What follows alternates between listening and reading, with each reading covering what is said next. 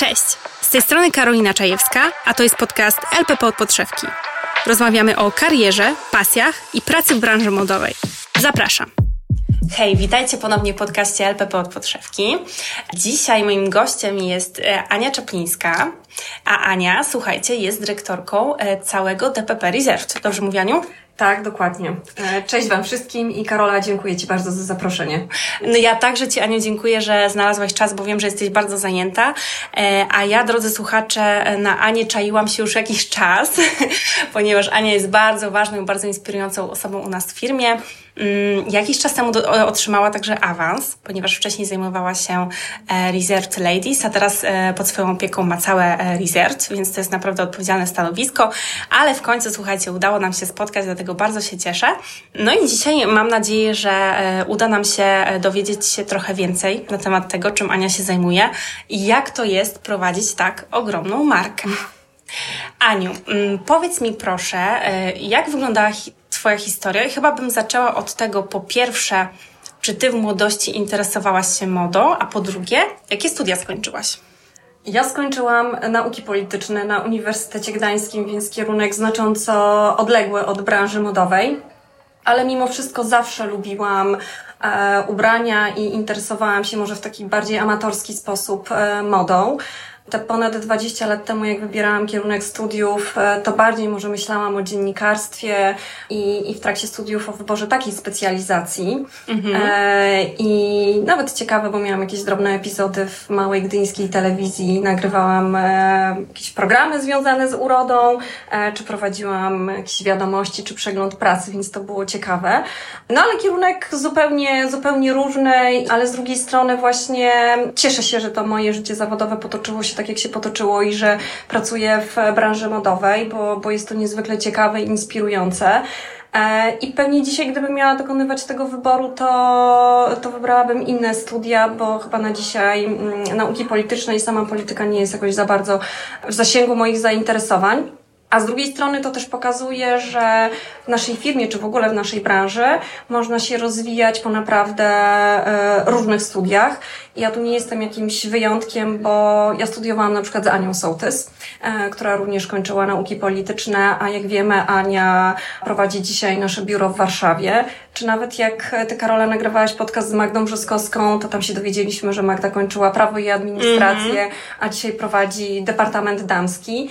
I jest wiele takich takich, e, e, takich przykładów i pewnie łatwiej jest w tej strefie właśnie kupiecko, product managerskiej czy dyrektorskiej, ale z drugiej strony też mamy wiele takich przykładów, jeżeli chodzi o projektantów, e, którzy świetnie się tutaj z nami mm. rozwijają i, i robią fajne kariery.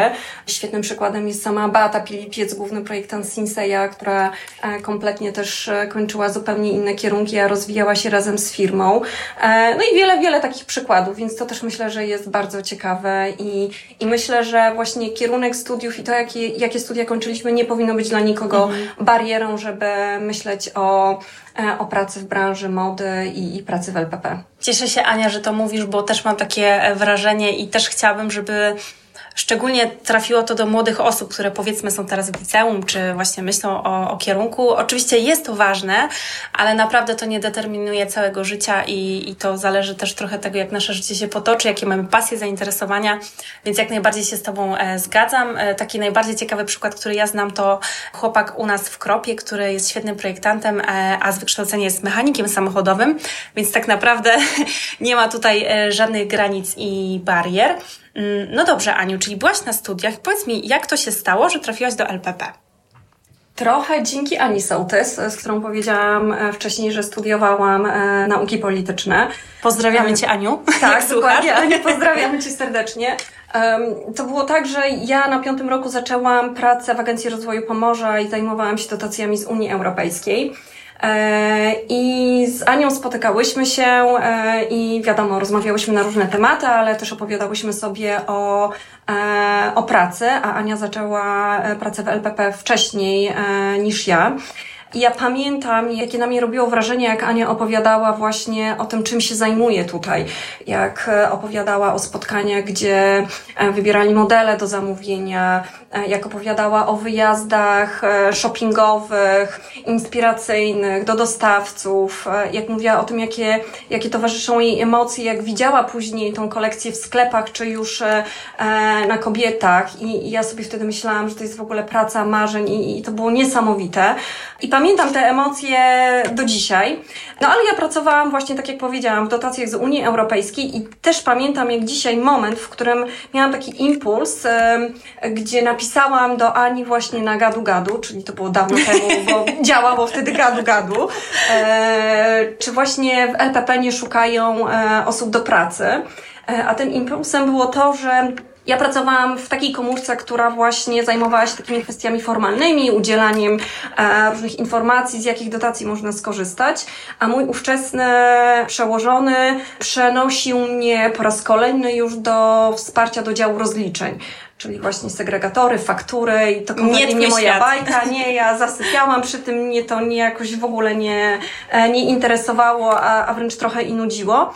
I miało być to po raz kolejny właśnie, więc e, no to było dla mnie takim impulsem, że no nie, nie podoba mi się, to nie chcę tak i, i chyba potrzebuję jakiejś zmiany. I e, Ania rzeczywiście powiedziała mi, że szukają asystenta kupca do e, trimmingsów, czyli zamki, guziki, metki, tego typu rzeczy. Więc ja aplikowałam, e, zostałam zaproszona na rozmowę. Pamiętam ten dzień jak dzisiaj. E, miałam na sobie czerwoną koszulę, czarne spodnie. Aż tak, pamiętasz? E, tak, miałam włosy związane w kucyka, przywiozła mnie moja koleżanka z pracy. Pamiętam, jak się strasznie denerwowałam, chociaż wiedziałam, że nie mam jakiegoś ciśnienia, żeby otrzymać tą pracę i żeby się do niej dostać, bo, bo miałam, tak? Mhm. E, ale mimo wszystko jakoś się strasznie denerwowałam. Pamiętam, kto był na mojej rozmowie i no na finale udało mi się. Zaproponowano mi pracę w LPP i e, nie w zespole trimmingsowym, a w zespole produktowym e, i zostałam asystentem kupca e, właśnie w dziale Dzianin. Wtedy ta struktura była zupełnie inna, bo byliśmy podzieleni, były osobno zespoły projektowe, osobno zespoły kupieckie i osobno zespoły merczowe. I ja byłam właśnie w takiej komórce kupieckiej odpowiedzialnej za dzianiny. Zaczęłam pracę 15 lat temu, bo w styczniu 2007 roku miałam być asystentem kupczyni, która w tamtym momencie była w ciąży, więc miałam dość szybko się wdrożyć w swoje zadania i poprowadzić część e, obowiązków podczas jej nieobecności. No i okazało się jednak po pół roku, że ja jestem w ciąży, e, więc to pamiętam, że było dla mnie takie mocno stresujące, ale no dzisiaj jak patrzymy, to jakoś tak nie, nie wpłynęło mhm. znacząco na, na moją karierę w LPP. Życie, no, po prostu czasem tak dokładnie, tak bywa. Chociaż dokładnie. nałożyło Ci się dużo e, takich e, dużych zmian w krótkim okresie czasu, ale no, czasami tak bywa. Powiedz, Aniu, jak Ty się odnalazłaś w tym e, temacie takich negocjacji? No bo dużą częścią pracy kupca są negocjacje z dostawcami. Czy to było dla Ciebie trudne, żeby się tego nauczyć? Jak prowadzić właśnie te negocjacje, rozmowy, jak tworzyć te relacje? Wiesz to w ogóle początek pracy w LPP był dla mnie dość trudny i mi ciężko było się jakoś tak zaklimatyzować i pamiętam, że no potrzebowałam chwili, bo jednak tempo pracy, energia była zupełnie inna, ale z drugiej strony też to wszystko było takie niesamowicie ciekawe i interesujące i obserwowałam osoby już bardziej doświadczone, jak one pracują i czują się jak ryba w wodzie. Pamiętam, że naprzeciwko mnie siedziała Asia Krakowska, która zawsze była pełna energii, pasji i, i pamiętam, że nawet na początku nawet trochę się jej bałam. ale wiesz co, no myślę, że mm, pierwsze negocjacje na pewno były trudne i stresujące, ale myślę, że z czasem, z czasem to przychodziło i nabierało się tych e, pewnych umiejętności, większej pewności siebie.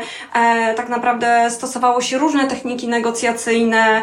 Ja później jak pracowałam w Sinseju, to wyjeżdżaliśmy bardzo dużo na targi e, i tam na miejscu negocjowaliśmy, więc tak naprawdę no chyba też bardzo ważne są i pomagają w, ne w negocjacjach te relacje z dostawcami I, i, i to myślę, że jest też kluczowe, a tego też się uczysz z czasem, więc no myślę, na początku pewnie popełniłam sporo błędów, e, a, a z czasem dochodziłam powiedzmy do jakichś tam lepszych i wyższych poziomów i, i, i byłam pewnie mm, coraz bardziej skutecznym kupcem i osiągałam lepsze efekty, ale to tak jak ze wszystkim, po prostu e, trzeba gdzieś tam ciężko pracować, iść do przodu i, mhm. i, i wtedy po prostu jest coraz lepiej. Ale myślę, że kluczowe kluczowe są i znaczące i duży wpływ mają właśnie relacje z dostawcami, tak? To, to myślę, że e, bardzo też pomaga. Mhm. Tak, bo y, czasami y, jak ktoś do nas przychodzi, na przykład na dni otwarte i rozmawiamy o negocjacjach, nasi goście rozumieją to jako takie. Mm, twarde negocjacje, a tutaj nie do końca o to chodzi, bo to są takie relacje często wieloletnie z tymi naszymi dostawcami. No i tutaj te kwestie miękkie też mają bardzo duże znaczenie, prawda? Dokładnie, wiesz, oczywiście są takie momenty, w których no, trzeba być takim bardzo profesjonalnym i, i, i stricte biznesowym i rzeczywiście trzeba być e, konkretnym i stanowczym, ale tak jak mówisz, no, te elementy takie miękkie i te relacje bardzo pomagają tak jak powiedziałam właśnie w Sinseju podczas tych wyjazdów i negocjacji podczas e, e, spotkań na targach, no to my naprawdę już się śmieliśmy, że korzystamy z bardzo różnych technik i moja koleżanka chyba pięć razy za mąż wychodziła, mhm. tak? E, żeby osiągnąć lepszą cenę, w cudzysłowie oczywiście, ale no to właśnie czasami gdzieś tam, żeby przełamać, e, nie wiem, jakąś ciężką atmosferę. Mhm. Przyda się jakiś żart. Dokładnie, więc przyda się jakiś żart i, i to wtedy też pomaga i, i trochę posuwa mhm. to e, do przodu. Mhm.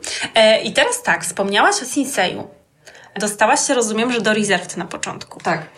Jak to po kolei u Ciebie wyglądało? Jak już wróciłaś z urlopu macierzyńskiego, Byłaś asystentem kupca, czy już kupcem? I gdzie? Byłam już kupcem, e, byłam już kupcem i e, po urlopie macierzyńskim e, wróciłam praktycznie w to samo miejsce, tylko na stanowisko kupieckie, ale to było dosłownie na chwilę przed bardzo dużymi zmianami struktury w Reserved, bo w 2009 roku zaszły bardzo duże zmiany organizacyjne, gdzie właśnie te zespoły projektowo-kupiecko-merczowe zostały połączone w jedno. Ja wtedy trafiłam do zespołu swetrowego, również w Reserved i tam pełniłam funkcję kupca. W międzyczasie brałam udział w dwóch rekrutacjach na product managera, no niestety nie zakończyły się sukcesem, a to był taki moment, w którym może mi się wydawało, że byłabym już świetnym e, product mhm. managerem i PM-em, więc trochę mi to utarło nosa i, i pokazało, że no trzeba mieć trochę w sobie więcej pokory czasami. I z perspektywy czasu wydaje mi się, że dobrze, że tak się stało, bo myślę, że popełniłabym dużo błędów jako, jako taki bardzo młody product manager. Zawsze na każdym stanowisku, jak się obejmuje e, nową funkcję, nową rolę, to na pewno popełnia się jakieś tam błędy, ale myślę, że wtedy ja chyba nie byłam na tyle dojrzała i gotowa, żeby już odpowiadać za, za jakiś zespół. Oczywiście wtedy może tego nie rozumiałam i potrzebowałam czasu, żeby jakoś to sobie w głowie poukładać i zrozumieć. Więc jak pojawiła się opcja e, kolejnych rekrutacji e, do marki Sinsei, która wtedy była tworzona, to ja nawet miałam takie pewne obawy, czy powinnam brać w niej udział, bo bałam się kolejnej porażki i, i tego, że po raz trzeci mi się nie uda, ale wtedy moja menadżerka, Paulina Kostyszyn, e, powiedziała mi, że Ania, próbuj, bierz udział. No i jakoś to mnie zmobilizowało i rzeczywiście zdecydowałam się na to i, i, i wtedy mi się już udało, tak? I w 2013 roku, czy na przełomie 12-13 właśnie dołączyłam do zespołu Sinseya i tam od początku e, tworzyliśmy, tworzyliśmy nową markę. No właśnie. E, ja bym wróciła jeszcze do tych e, niepowodzeń, o których mówiłaś. Bo mam takie poczucie, że e, często w takim świecie biznesu, tak, jak już się jest na takim dyrektorskim stanowisku, trochę mało się o tym mówi, a to jest bardzo ważne, że te awanse i taka droga, powiedzmy, na szczyt, to też nie jest tak, że to jest takie proste i się wchodzi powolutku po tych stopniach. Czasami trzeba trochę poczekać, e, tak jak ty, czasami coś nie wyjdzie. E, I myślę, że Twoja historia trochę udowadnia, że nie można się poddawać i czasami może trzeba troszkę dłużej poczekać, troszkę więcej się nauczyć, no bo równie dobrze mogłabyś sobie odpuścić i stwierdzić, ok, no to ja już po prostu zostanę, tak, nie będę próbowała dalej, a Ty poczekałaś, nauczyłaś się trochę więcej, no i przyszedł ten moment, kiedy się udało, więc to też jest takie, myślę, że inspirujące dla naszych słuchaczy, że, że warto. Dokładnie, ale mi się wydaje, że jest wiele takich przykładów u nas w firmie, że e, za pierwszym czy za drugim razem komuś się nie udało i po prostu wtedy trzeba cierpliwie po prostu poczekać, tak? Oczywiście wyciągnąć jakieś wnioski z tego, czemu się nie udało, nad czym powinno się popracować, co jest moją mocną i słabą stroną, ale przede wszystkim gdzieś tam e, pogodzić się trochę z tą nieudaną próbą i nie poddawać się. Tak jak mówię, dzisiaj to pewnie brzmi prosto i ja mówię o tym tak bez emocji, ale ja wiem, że to wtedy gdzieś tam e, było dla mnie dość stresujące. Ja się zastanawiałam, co jest nie tak, e, co ja źle robię, że czemu nie teraz, tym bardziej, że ja miałam jakieś takie takie przekonanie, że już jestem na to gotowa, ale no tak jak mówię, mm, wtedy trzeba gdzieś tam zrobić krok do tyłu, zastanowić się trochę nad sobą. I, I tak jak też analizowałam te swoje 15 lat pracy w LPP, to tak naprawdę te zmiany przychodziły w momencie, gdzie ja tak naprawdę nie miałam na nie takiego ciśnienia i parcia trochę, mhm. tak? I po prostu robisz swoje, jesteś zaangażowana, e, e, nie wiem, robisz to z pasją i, i jakąś taką dużą motywacją i wtedy te zmiany zazwyczaj przychodzą, ale tak jest chyba też w życiu prywatnym, mm -hmm. tak? Że mm -hmm. jeżeli czegoś bardzo, bardzo chcemy i, i nie wiem, szukamy czegoś, e, to zazwyczaj to nie przychodzi, a jak sobie odpuszczamy, to tak naprawdę mm -hmm. te mhm. dobre rzeczy do nas przychodzą. Tak. Więc ja myślę, że jeżeli ktoś naprawdę jest e, e, zaangażowany, ma motywację, energię, pasję e, i gdzieś tam raz drugi mu się nie udaje, to żeby się nie poddawał, bo naprawdę jeżeli ktoś jest dobry w tym, co robi, to na pewno przyjdzie na niego czas. Mhm. E, ja też to trochę e, przyciągnęłabym jeszcze e, na temat w ogóle rekrutacji, chociażby do LPP, bo nasze dziewczyny z działu HR też często o tym mówią na różnego rodzaju spotkaniach, że jeżeli ty aplikujesz, tak, i ci się nie uda, poproś dziewczynę o feedback, usłyszysz ten feedback, okaże się, że może musisz coś dopracować, jakieś umiejętności podszkolić i też mamy takie przykłady, że są osoby, które aplikowały, a potem poduczyły się pewnych kwestii, tak, dopracowały portfolio i po roku otrzymywały daną pracę, więc no słuchajcie, nie poddawajcie się, bo e, naprawdę warto próbować i myślę, że Ania jest najlepszym przykładem na to. E, no dobrze, Aniu, to wracając. Jesteś w Sinseju, inna marka, tak. taka młoda marka. Jak to było w tym Sinseju? Bardzo intensywnie. E, ale ja ten czas pracy w Sinseju wspominam e, bardzo fajnie. E, z różnych względów. No przede wszystkim e, tam poprowadziłam swój pierwszy zespół co na pewno było dużym wyzwaniem i, i, i na pewno e, taką dużą lekcją dla mnie.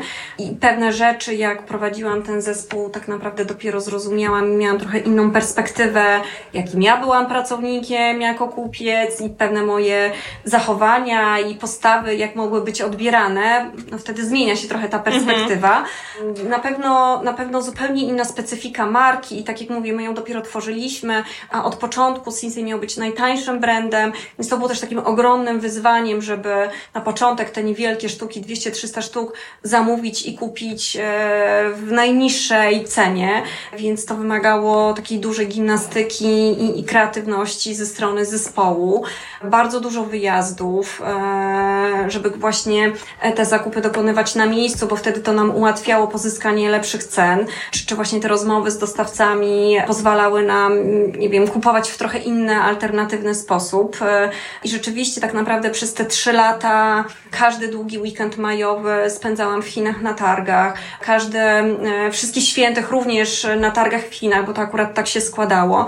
Więc było w tym czasie bardzo dużo wyjazdów, bardzo intensywnie ale to był taki naprawdę bardzo fajny czas, e, też relacyjnie, bo, bo naprawdę ta współpraca i z moim zespołem była bardzo fajna, ale też właśnie współpraca e, z product managerkami, z głównym projektantem Beatą, czy współpraca z Ewą, no to naprawdę było takie bardzo fajne, jakościowe i, i czuło się takie duże wsparcie, więc intensywnie, ciężko, ale naprawdę bardzo, bardzo fajnie i z takim, mm, z, no z takim dużym uczuciem e, i, i sentymentem e, wspominam ten czas. I po trzech i pół roku wróciłam z powrotem do Reserved i myślę, że długo nie mogłam przeciąć tej pępowiny sinsejowej, mm -hmm. ale to chyba też dlatego, że tam tworzyłam swój pierwszy zespół, więc to tak, było myślę, że to dziecko. takie ważne. I, i myślę, że to też dlatego takie było ciężkie. E, no ale tak jak powiedziałam, właśnie po trzech i pół roku przyszedł do mnie Piotr Dyka i, i powiedział, że chce, żebym przeszła do Reserved, bo tam potrzebny jest piąty product manager, bo kolekcja była zwiększana więcej modelokolorów i, i, i pojawiła się taka idea, żeby właśnie stworzyć piąte stanowisko product managerskie. Więc w październiku 2015 roku dołączyłam z powrotem do, do Reserved już jako product manager i wtedy byłam odpowiedzialna za sukienki i spódniczki w kolekcji damskiej. Wielki powrót. tak, wielki powrót. No niełatwy. To był też taki trudny moment w Reserve, bo rzeczywiście te wyniki sprzedażowe były słabe. No ja praktycznie musiałam zbudować sobie zespół od początku, co też nie było łatwe. No dużo się wtedy działo, tak? To był też taki intensywny okres e, związany z, po prostu z brakiem wyników sprzedażowych. E, dosłownie po kilku miesiącach właśnie kolejna duża zmiana struktury w, w Reserved e, i stworzenie zespołów liniowych, czyli stworzenie zespołu Fashion Line, Modern Line i, i YFL czyli zupełnie takie inne poukładanie tej struktury. W ogóle w tamtym momencie było dużo zmian, bo i takich na wysokim szczeblu. Jest to taki stresujący na pewno czas, yy, bardzo wymagający, no trudny, na pewno trudny. Mhm. No jednak przez 3,5 roku w CCU pewnie znałaś już wszystkich i poukładałaś sobie te relacje. No a tutaj trochę byłaś nowa, tak? Po takim czasie, więc pewnie trzeba było na nowo te relacje nawiązać. Dokładnie, tym bardziej, że już na koniec w Sinseju rzeczywiście miałam takie poczucie, że mam wszystko dobrze poukładane, mm -hmm. dobrze działający zespół, dobrze zbudowany, już wiemy jak mamy działać, jak mamy zamawiać tą kolekcję. Miałam takie poczucie, że już będę mogła się skoncentrować na innych rzeczach i Ciach. zmiana. Ale to tak właśnie jest. Że to tak u nas jest. Właśnie, tak, masz takie poczucie, że już e, czujesz się dobrze na swoim stanowisku, masz wszystko poukładane i wtedy dzieje się zmiana. I z jednej strony jest to też ciekawe, tak? Bo, bo, bo trochę nie wpadasz w taką rutynę, tylko te zmiany dokonują się w takim momencie, że znowu wymagają od ciebie jakiegoś innego działania, e, wchodzisz w inny zespół, musisz się nauczyć współpracy z innymi osobami, a to też jest takie naprawdę rozwijające, a też powoduje, że te moje 15 lat przeleciało bardzo szybko i, i w takim poczuciu, że ciągle coś się dzieje i, mhm. i, i tu myślę, że znowu ja nie jestem jakimś wyjątkiem, bo wiele osób, które byś się zapytała, które pracują w LPP wiele lat, to odpowiedziałyby Ci tak samo, że ten czas e, przelatuje bardzo szybko. A to jest chyba po prostu specyfika naszej firmy, że, że my mamy taką dynamikę działania, mm. nie boimy się zmian i, i tak naprawdę jedyną stałą w LPP jest zmiana. Tak, to jest, to jest słuchajcie, nasza mantra, e, jedyną stałą jest zmiana. E, śmiechem, żartem mi w tym miesiącu mija 5 lat w LPP i też e, nie mam pojęcia, kiedy to się wszystko wydarzyło, a szczególnie te rozmowy podczas podcastów są e, na tyle ciekawe, że te osoby, z którymi właśnie rozmawiam, mają właśnie ten moment, kiedy mogą e, sobie odświeżyć tą historię i sami tak, tak e, mówią mi później, że kurczę, rzeczywiście to się wydarzyło, tamto się wydarzyło, o tym się nie pamięta. Człowiek zapomina, leci sobie do przodu, a czasami fajnie sobie zrobić e, takie podsumowanie. Mm, Aniu, a jak e, wyglądał Twój awans z PM-a w Reserved na dyrektorkę kolekcji e, Reserved Ladies? no tak jak mówię, to był taki trudny czas w Reserved i ja nie ukrywam, że gdzieś tam moja motywacja była powiedzmy na średnim poziomie, bo naprawdę dużo się działo i było dość stresująco i, i nerwowo, więc ja kompletnie się nie spodziewałam e, jakichś zmian i, i, i nie miałam takich aspiracji na tamten moment. E, I tu znowu pamiętam ten dzień jak dzisiaj, 1 czerwca 2016. E, rano miałam przegląd kolekcji i pokazywałam kolekcję Ewie Dworzyńskiej i Beacie Pilipiec-Sinseja, żeby trochę nam podpowiedziały, podzieliły się opinią na temat kolekcji, bo gdzieś tam Sinsei miał fajne wyniki i tu chciałyśmy skorzystać z wsparcia dziewczyn. I pamiętam, jak przyszedł po mnie Marek i poprosił mnie na spotkanie. I, I, pamiętam, jak szliśmy po schodach, ja zobaczyłam, że Marek ma kartkę w ręku, więc po prostu nogi mi się ugięły i, i zapytałam się Marka, mówię, Marku, czy ja się powinnam na coś przygotować? A Marek na to, no co ty się teraz przygotujesz? Na nic się nie przygotujesz, więc ja już w ogóle po prostu zalałam się potem i, i zestresowałam się strasznie. No i wtedy Marek powiedział, że chciałby, żebym poprowadziła departament damski. Nie potrafiłam się w pierwszej chwili z tego cieszyć, byłam przerażona i, i, i zestresowana bardzo mocno. Mm, tego samego dnia jeszcze poszliśmy na długi spacer z Markiem porozmawiać o tym i no, zapytałam się go, czy, czy na pewno nie wolałby może kogoś bardziej doświadczonego na to stanowisko. No ale taki był wybór Marka, taka decyzja i chyba gdzieś on ma jakąś może intuicję i, i, i czucie do ludzi.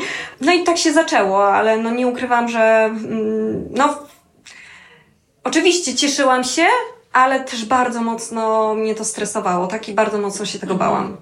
No, zupełnie mnie to nie dziwi, bo odpowiedzialność jest duża i jakby skala zarządzania jest o wiele większa, e, jeżeli chodzi o opiekę nad e, całym Reladies. No ale Aniu, tak zastanawiam się, jak ty to zrobiłaś? W tym sensie, że jak się zabrać w ogóle do takiego zadania, że zostajesz właśnie dyrektorem? Czy ty po prostu miałaś po kolei spotkania z każdym z PM? Jak ty to w ogóle ogarnęłaś. Co, ja nie pamiętam takich szczegółów, bo te pierwsze trzy lata były tak intensywne i było tyle pracy i tyle spotkań, ale na pewno e, ważne było dla mnie mm, no, ułożenie dobrych relacji z zespołem, bo to, co chyba mnie najbardziej stresowało, nawet nie ta skala e, biznesu, e, wielkość budżetów, liczba modelokolorów w kolekcji, ale mnie na tamten czas bardzo stresowało ułożenie sobie relacji z product managerkami, ponieważ dziewczyny tak naprawdę w większości miały dużo większe doświadczenie niż ja.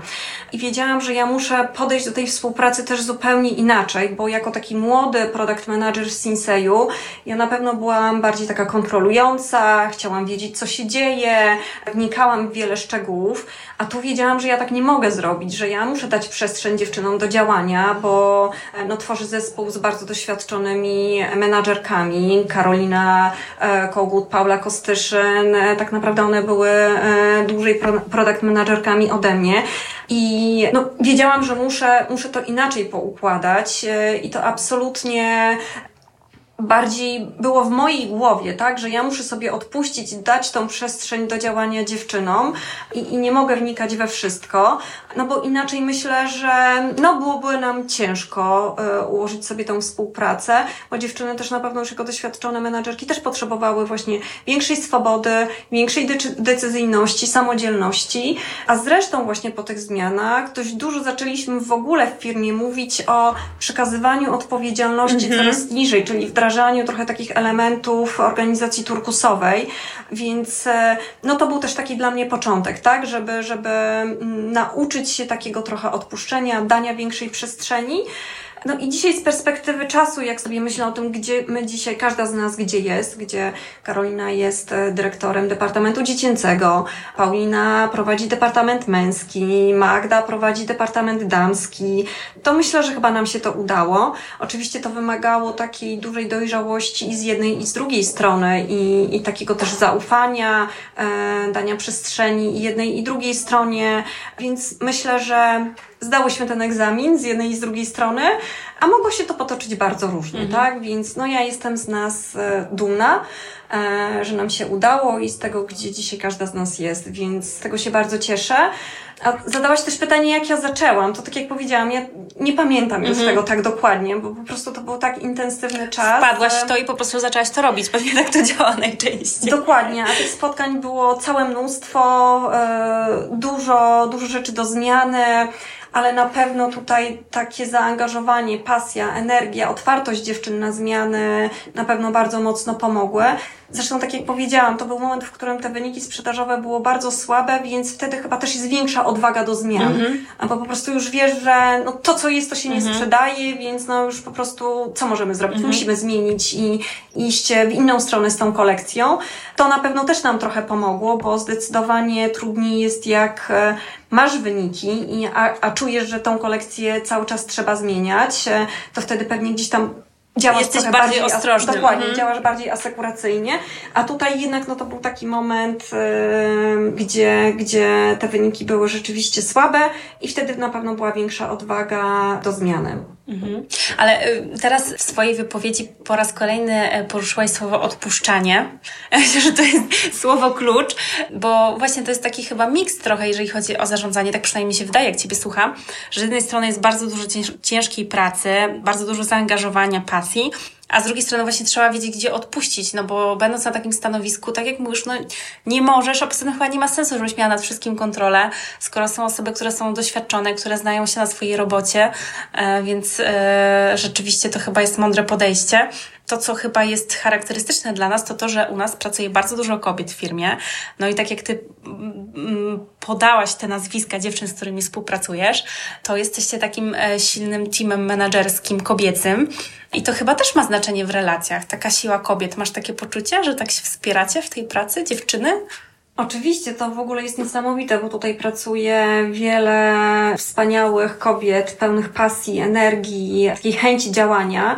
Z jednej strony jest to pewnego rodzaju wyzwanie, e, żeby nadążyć za tą energią e, dziewczyn, ale z drugiej strony, e, no to też jest motywujące i napędza mnie samą do działania, bo, bo lubię też czerpać z tej energii dziewczyn i, i jak czuję, że mam jakiś słabszy okres, to wiadomo, że to mi dodaje energii. Też któregoś razu miałyśmy taką grupę dyrektorek i, i te spotkania prowadził Marcin Krajka z HR-ów i ta nasza grupa nazywała się Kobiety Pistolety i to jest właśnie tak, że tutaj pracują takie kobiety pistolety. Zgadzam się z tym. E, pełne pasji, energii, to co już powiedziałam wcześniej. Możemy liczyć na wzajemne wsparcie i w lepszych i gorszych chwilach.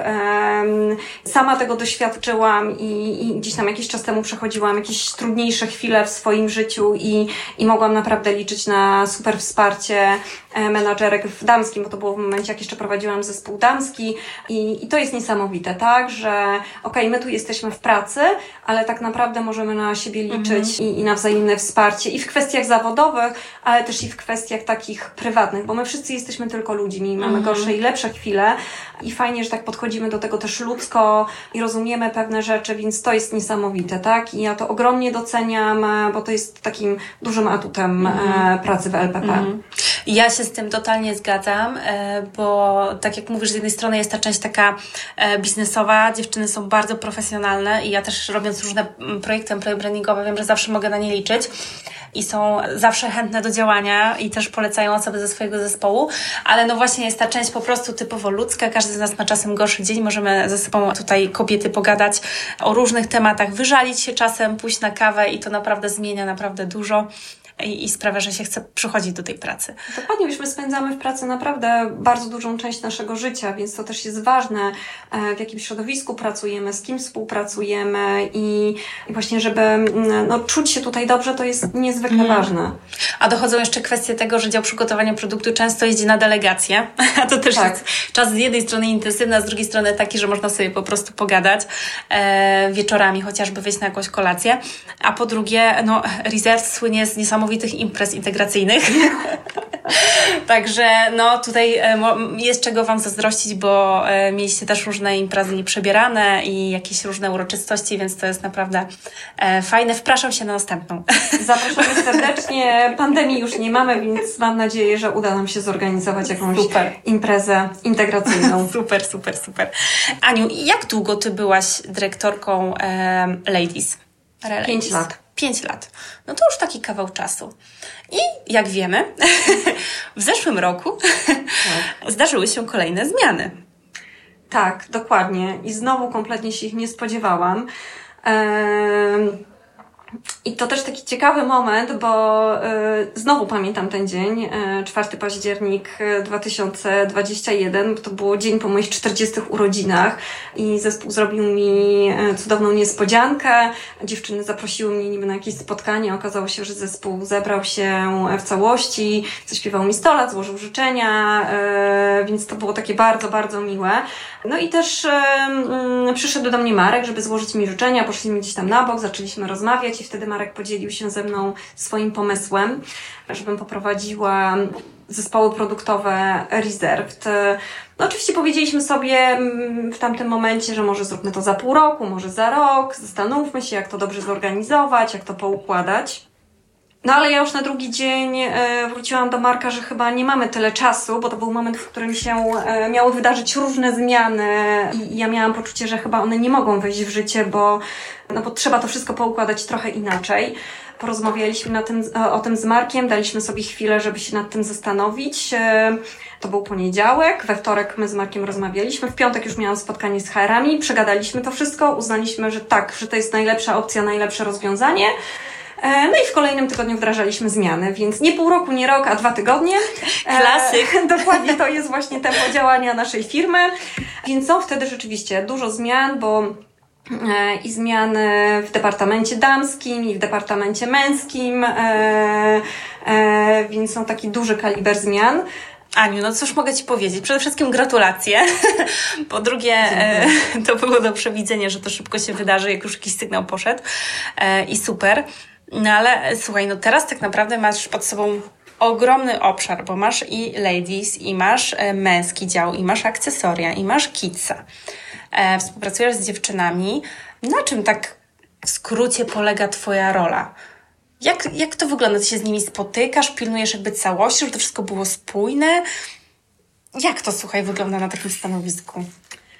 Znowu na początku dość duże wyzwanie dla mnie pod kątem takim e, menedżerskim i zarządzania zespołem, ponieważ e, no znowu e, współpraca z bardzo silnymi, ambitnymi dyrektorkami, przycudownymi osobami, ale na przykład Alina, Karolina czy Ania, one miały wcześniej możliwość współpracy bezpośrednio z Markiem który wiadomo, no jest osobą wybitną, autorytetem i współpraca z Markiem jest e, no, dużym przywilejem, a z drugiej strony też Marek daje taką dużą przestrzeń działania, a raptownie pojawiam się ja no, i jest to powołane stanowisko właśnie, żebym gdzieś tam jednak była bliżej tego produktu, mhm. E, więc to też takie ważne, e, żebyśmy sobie tak ułożyły te relacje, aby z jednej strony dziewczyny też miały poczucie właśnie dalej tej swobody działania, pewnej sprawczości i, i decyzyjności i z drugiej strony, żebym ja też się tak czuła, tak? E, więc e, to na pewno taki ważny aspekt e, dla mnie na początek. I wydaje mi się, że powoli idziemy w, w dobrym kierunku te pierwsze miesiące na pewno były dla mnie takim czasem, takim momentem, w którym ja trochę chciałam wejść i zrozumieć specyfikę pracy mhm. pozostałych departamentów, czyli właśnie departamentu dziecięcego, męskiego czy akcesoriów, no bo departament damski znałam i wiedziałam, jak on funkcjonuje, ale z drugiej strony też ważne było dla mnie, żeby dać e, Magdzie czy Pauli jako nowym dyrektorką taką przestrzeń do działania e, i zbudowania i zorganizowania tej e, pracy tak jak one to widzą, bo przecież każda z nas jest inna, każdy ma inny schemat działania, każda gdzieś tam zwraca uwagę na inne rzeczy, więc to też dla mnie było ważne, żeby, no zwłaszcza tutaj Magdzie, tak, no bo ja ten departament damski wcześniej prowadziłam, to było dla mnie ważne, żeby dać Magdzie tą przestrzeń, żeby ona to sobie poukładała mhm. trochę po swojemu, więc e, te pierwsze miesiące były dla mnie takim czasem właśnie trochę obserwacji, słuchania, przyglądania się, e, wdrożenia się trochę w specyfikę produktu, pozostałych departamentów. I tak naprawdę cały czas się tego uczę. I, i myślę, że jak zaczniemy od początku tworzyć e, nowy sezon razem, a właśnie tak się dzieje w przypadku kolekcji wiosna-lato 2023, e, gdzie ja już trochę będę miała większą wiedzę, jak to wszystko wygląda, więc też będę mogła no, trochę bardziej wejść w te strategie, trochę bardziej porozmawiać z dziewczynami, czy gdzieś tam podzielić się swoimi jakimiś obserwacjami, uwagami, to myślę, że będę miała takie poczucie, czy my wszystkie będziemy będziemy miały takie poczucie, że to jest bardziej nasze, e, że, że robimy może to trochę inaczej i patrząc bardziej też e, całościowo na, e, na Reserved, bo to chyba też jest ważne, bo wcześniej przed tą zmianą i powołaniem tego stanowiska dyrektora zarządzającego produktem, trochę było tak, że każda z dyrektorek produktu no, działała w swoim obszarze, mhm. tak? I ja jako dyrektor Departamentu Damskiego nie patrzyłam na to, co się dzieje w kicie, co się dzieje w męskim, czy co się dzieje w akcesoriach, a teraz też e, no, wydaje mi się, że to jest ważne, bo rzeczywiście spotykamy się razem, rozmawiamy o tym, co się dzieje w każdym departamencie, kto jakie ma pomysły na kolekcję, gdzie możemy tą wiedzą się podzielić, e, co możemy zmienić, co możemy usprawnić. E, gdzieś tam widzimy rzeczywiście, że na przykład w jednym zespole, nie wiem, buty są zamawiane w dużo krótszych cyklach, to może Zastanówmy się, jak to zrobić, jak to przełożyć, e, żeby tak samo pracować e, w innym zespole, czy nie wiem, w jednym zespole już dużo bardziej pracujemy i współpracujemy z Turcją, e, to właśnie jak to możemy przełożyć i, mm. i, i, i wspomóc kolejne zespoły. Więc mi się wydaje, że to są też takie plusy tej zmiany. Też dwa tygodnie temu wróciłyśmy z dziewczynami z Rumunii. Byłyśmy w delegacji, żeby trochę poznać ten rynek, zrozumieć specyfikę klienta. I e, ten wyjazd pokazał mi, że rzeczywiście ta zmiana chyba była dobra. Mhm. E, pod tym kątem, że chyba pierwszy raz miał miejsce wyjazd e, wszystkich dyrektorek e, odpowiedzialnych za produkt. E, I tam rzeczywiście wspólnie mogliśmy porozmawiać o tym, e, jaki jest ten klient i jakie są oczekiwania. Dziewczyny też na bieżąco na wyjeździe mogły się dzielić ze sobą swoimi obserwacjami, pomysłami, już tutaj szukały jakichś rozwiązań, co zrobić, żeby kolekcja garmentowa, czyli ubrania były spójne bardziej z akcesoriami. Więc to też było fajne, bo była taka fajna energia i, i, i padały te pomysły i dziewczyny od razu gdzieś tam e, ze sobą rozmawiały i, i szukały różnych rozwiązań. I to mi się wydaje, że jest fajne i powoduje, że my e, trochę wchodzimy na inny poziom, bo mhm. zaczynamy bardziej zwracać uwagę na spójność kolekcji, nie tylko właśnie jeżeli chodzi o produkt, ale i o akcesoria, ale też właśnie jak to połączyć może też e, z działem dziecięcym. Oczywiście to wszystko wymaga czasu, ale wydaje mi się, że to są chyba takie korzyści tej zmiany. I, I ten wyjazd rzeczywiście też mi trochę to tak pokazał. Z jednej strony właśnie to, że chyba z samego poziomu też dyrektorek to też jest fajne, bo nie jesteś już trochę taka sama. Mhm, e, możesz się poradzić. Możesz się poradzić, że my się jednak spotykamy regularnie i, i, i możemy ze sobą porozmawiać, bo to trochę tak jest. Im jesteś wyżej tej, w tej hierarchii, to trochę jesteś coraz bardziej mm, samotna i sama mhm. i, i z niektórymi problemami musisz sobie poradzić. E, e, a tu jednak fajnie, bo jednak jesteśmy razem, jesteśmy mhm. zespołem i, i możemy porozmawiać i o fajnych rzeczach, ale też i o takich trudniejszych e, kwestiach i się trochę poradzić. Wiesz co, y, to jest yy, myślę, że mega ważne, że Ty się pojawiłaś i właśnie zapewniasz trochę dziewczynom taką przestrzeń właśnie do dyskusji i do rozmów, yy, bo czasami łatwo w takim życiu codziennym, tak jak mówisz, być samotnym w tym zarządzaniu tym wszystkim, a jednak czasami się okazuje, że pewne rzeczy są dla nas oczywiste i być może dla dziewczyn, nie wiem, to, że zamawiają dużo z Turcji albo, że coś tam się dzieje z butami, nie powtórzę tego, co powiedziałaś, bo nie wiem do końca o co chodzi, jest dla nich oczywiste, a okazuje się, że wcale nie i możecie nawzajem się od siebie uczyć i to chyba jest najcenniejsze, tak, że że to będzie wszystko spójnie ze sobą grały, będziecie się nawzajem wspierały. Więc myślę, że, że super. Też mam takie poczucie, szczególnie w przeciągu ostatniego roku, słyszę takie rzeczy od znajomych bądź osób z firmy, że, że te kolekcje nasze są coraz fajniejsze, coraz ciekawsze, z coraz lepszych materiałów. Myślę, że ta zmiana sprawi, że, że będzie tylko lepiej i lepiej. E, duże wyzwania przed nami, także związane z rozwojem.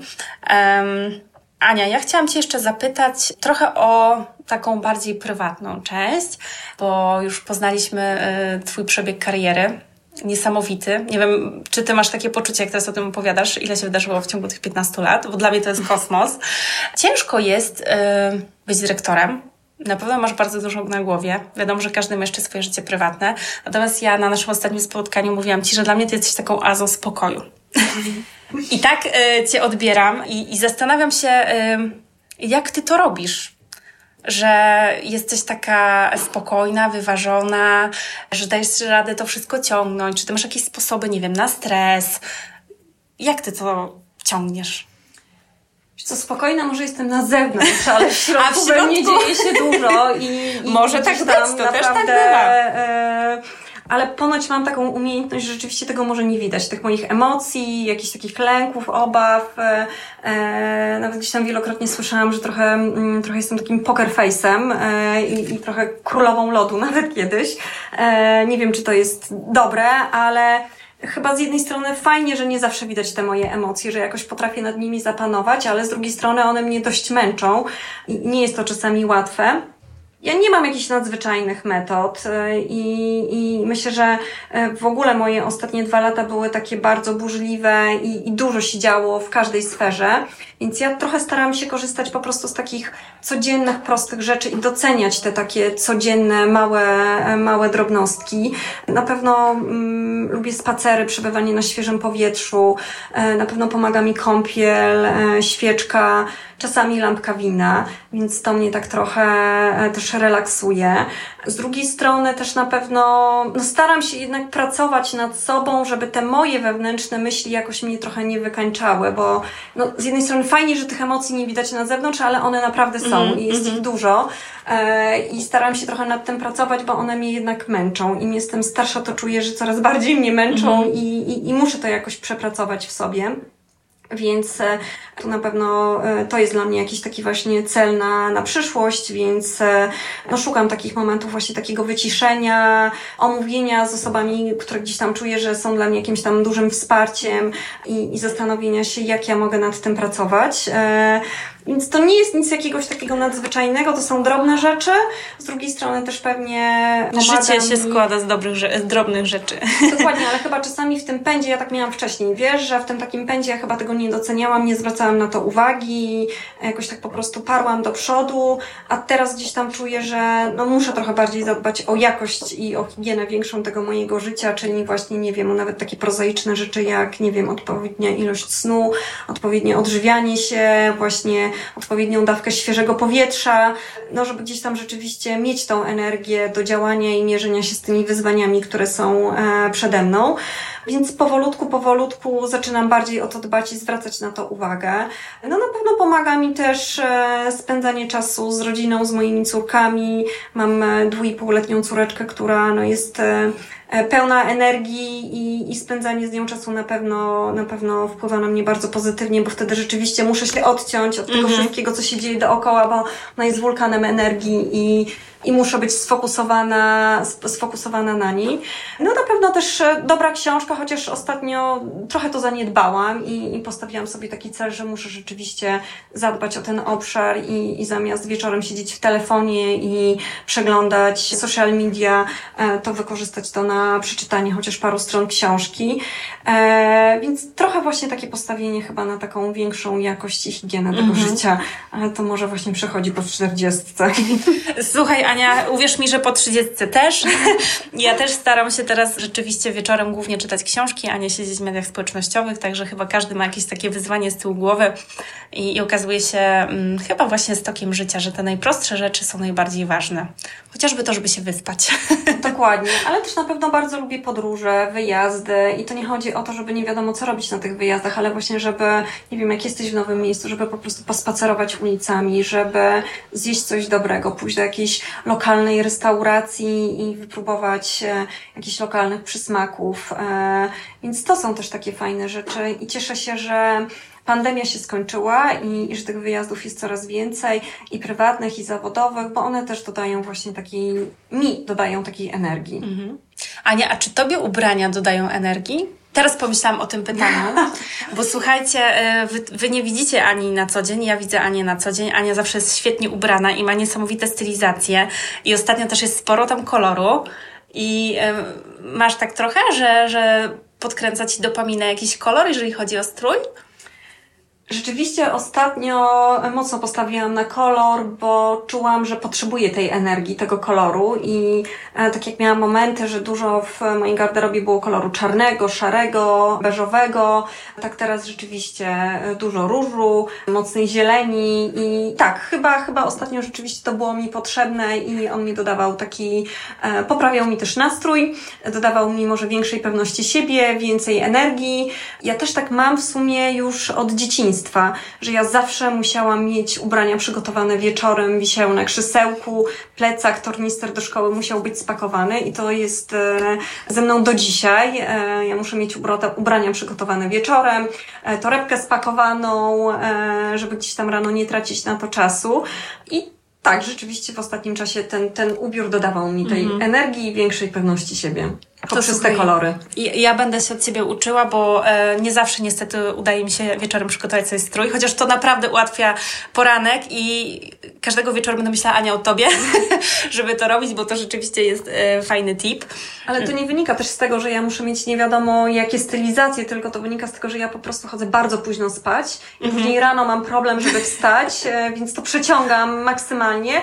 Dlatego wiem, że nie chcę już tracić rano czasu mhm. na, na prasowanie na I zastanawianie się, e, dlatego wolę mieć to już przygotowane wieczorem i wtedy rano przeciągam ten moment wstania maksymalnie długo, jak to jest możliwe, bo po prostu no, chodzę późno spać i trochę za mało śpię. Mhm. Ja dzisiaj wstałam po sześciu budzikach, także doskonale Cię rozumiem. Ania, tak na koniec.